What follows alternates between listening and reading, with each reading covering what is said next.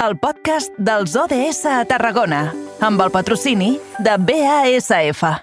Somos hijos de la tierra y vengo a escuchar de cerca todo lo que te preocupa nada más. Eres libre al respirar, eres aire. Somos. Ara sí, moment d'aturar-nos de nou als estudis de la nova ràdio de Reus. Abans parlàvem amb en David Fernández, que ens proposava una nova banda sonora per una jornada com la d'avui. Doncs bé, ara el que farem serà saludar la nostra companya, Angie Aramayo. Angie, bona tarda, bon dimecres. Molt bona tarda, Eduard, igualment.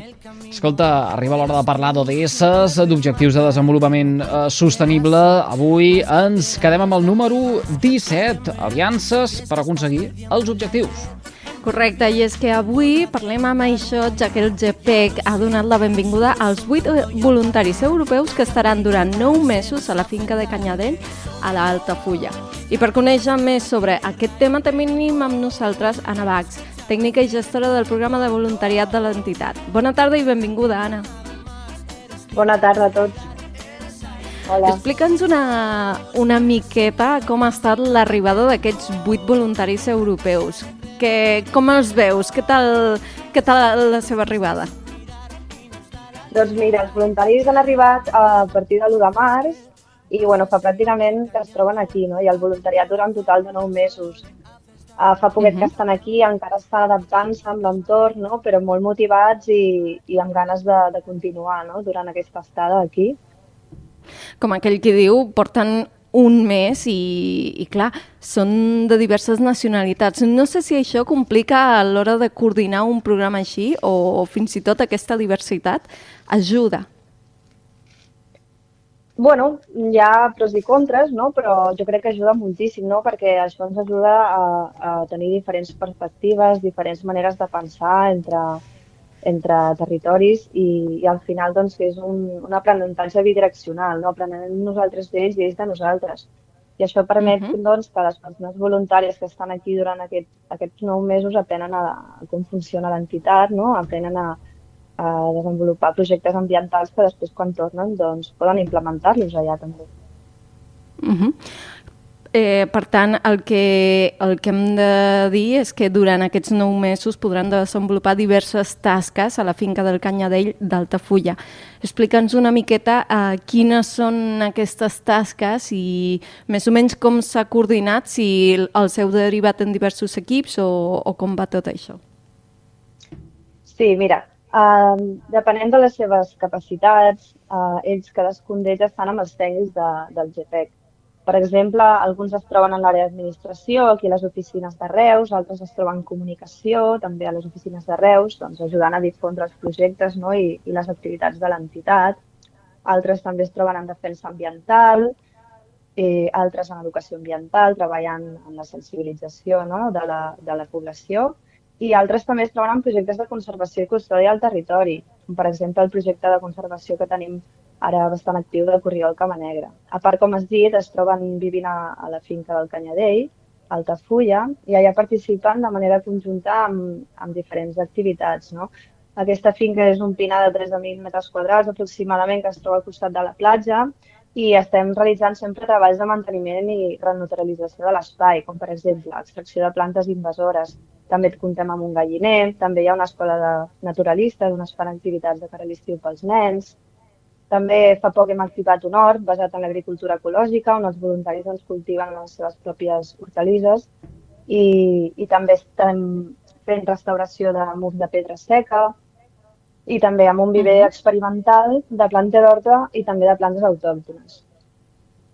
No sé si, uh, tot i que ja és, uh, no és el primer cop que estan aquí a la, a la finca de Canadell, uh, no sé si hi ha algun repte uh, de cara a assolir per aquesta, per aquesta edició o fins i tot dir quins són uh, els ABC de, de les necessitats d'aquest entorn.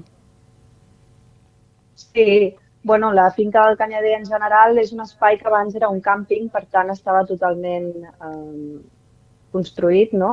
després aquest càmping eh, eh, va passar a mans de l'Ajuntament d'Altafulla, nosaltres estem en custòdia d'aquell espai. Nosaltres com a objectiu principal tenim la renaturalització no? de, de l'espai, totes les plantes que es van plantar de forma ornamental, de jardineria, doncs canviar-les per plantes autòctones que haurien d'estar allà en aquella zona. I, I seria bàsicament això.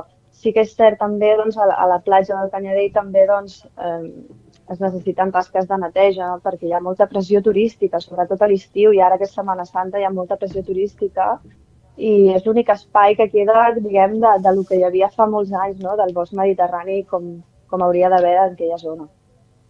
Uh -huh. De moment, uh, com dèiem a la presentació, tenim 8 voluntaris per aquest 2023, però hi ha la voluntat d'incrementar aquest nombre de voluntaris uh, i aprofitant aquesta pregunta, Anna, no sé què hauria de passar perquè es donés aquesta situació? Si depèn de vosaltres, depèn de les entitats públiques? Bueno, aquest projecte és un projecte que, que és de la Unió Europea, per tant és, és públic, no? I, I moltes organitzacions, tant públiques com privades, es poden presentar, no? I poden presentar el seu propi projecte de la seva, seva pròpia entitat i, i portar a terme aquest voluntariat. Um, què m'havies preguntat més, perdona? Sí, sí, sí. Justament si uh, la idea és uh, expandir-ho i què es necessita per, per aconseguir augmentar el nombre de voluntaris que hi ha.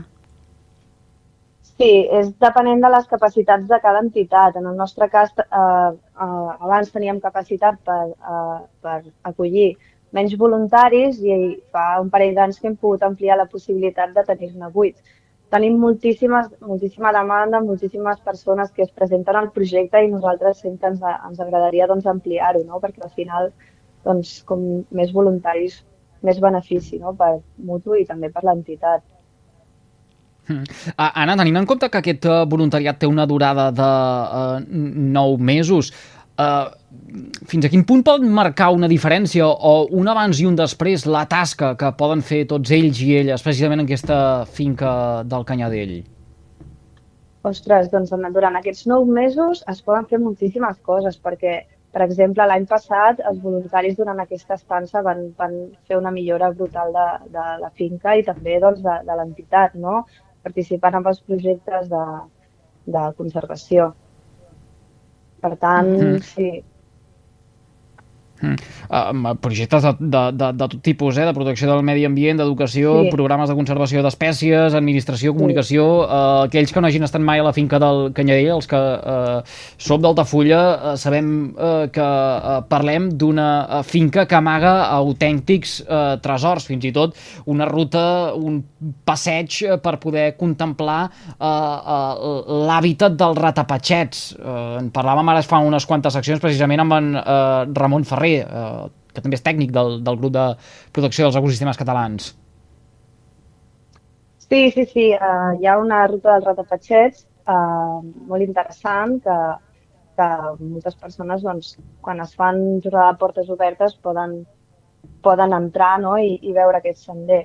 I també, bueno, el, el, en aquesta finca, en aquest espai, també hi participen un grup de voluntariat local d'Altafulla i voltants, que venen cada setmana a fer activitats amb el voluntariat europeu de, de la finca. I també participem amb altres associacions, com amb la Fundació Una de Torre Barra, i també ara començarem amb l'Institut d'Altafulla, que fan treballs de la comunitat, amb nois de quart d'ESO que venen també a, a, la, a la finca. I no em vull deixar també el, el taller d'horta ecològica de l'Hort de la Sínia que fan a, aquí a Altafulla, en el qual també participem per tal d'aprendre no? com, com funciona l'hort, com funciona l'agricultura ecològica i poder implementar també a dins de la finca interessant establir lligams també, en aquest cas doncs, amb el teixit social del territori. Uh, per cert, uh, Anna, m'ha arribat que uh, aquest grup de voluntaris, que abans deies, eh, dos voluntaris francesos, dos italians, un hongarès, un portuguès, un luxemburguès i uh, un, uh, i un d'espanyol, uh, de, de Lleó, fins i tot s'han llançat a fer castells uh, amb els castellers d'Altafulla. Això és cert o què? A veure, exacte. Un dels voluntaris d'aquest, del voluntariat estable que et dic que venen cada setmana, participa amb els castells d'Altafulla i els va proposar que vinguessin un dia a fer un assaig, no? I clar, ells encantadíssims, no? Perquè al final també volem que a part de que de que facin voluntariat ambiental que també s'impliquin no? amb les diferents entitats i associacions de la zona i, i coneixin la cultura i d'aquí, no? Fantàstic, doncs uh, la mar de bé. Algun dia hi podríem anar, fins i tot, Angi, no ho sé. Uh, jo sí, jo m'he quedat amb lo de la ruta, eh? Que has dit. La, uh, sí, jo ho vull I, veure. I parlar, I parlar amb els voluntaris i conèixer de primera mà quan es fa aquesta, aquesta feina. Ja en parlarem d'això, que tenim la furgoneta del programa algun dia, ves que no hi faci parada. Anna Bax, tècnica... Esteu convidadíssims. Uh, gràcies, sort que, sort que ho has dit perquè si no semblava que ens convidàvem nosaltres a casa dels altres i, no queda, i això no queda gaire no, no queda gaire, gaire bé. Però t'agraïm la invitació. Anna Bax, tècnica i gestora del programa de voluntariat del, del JAPEC a la finca del Canyadell. Gràcies per compartir amb nosaltres aquesta soneta en directe al carrer Major de les emissores de la xarxa al Camp de Tarragona, que vagi molt bé. Moltíssimes gràcies, que vagi bé, bona tarda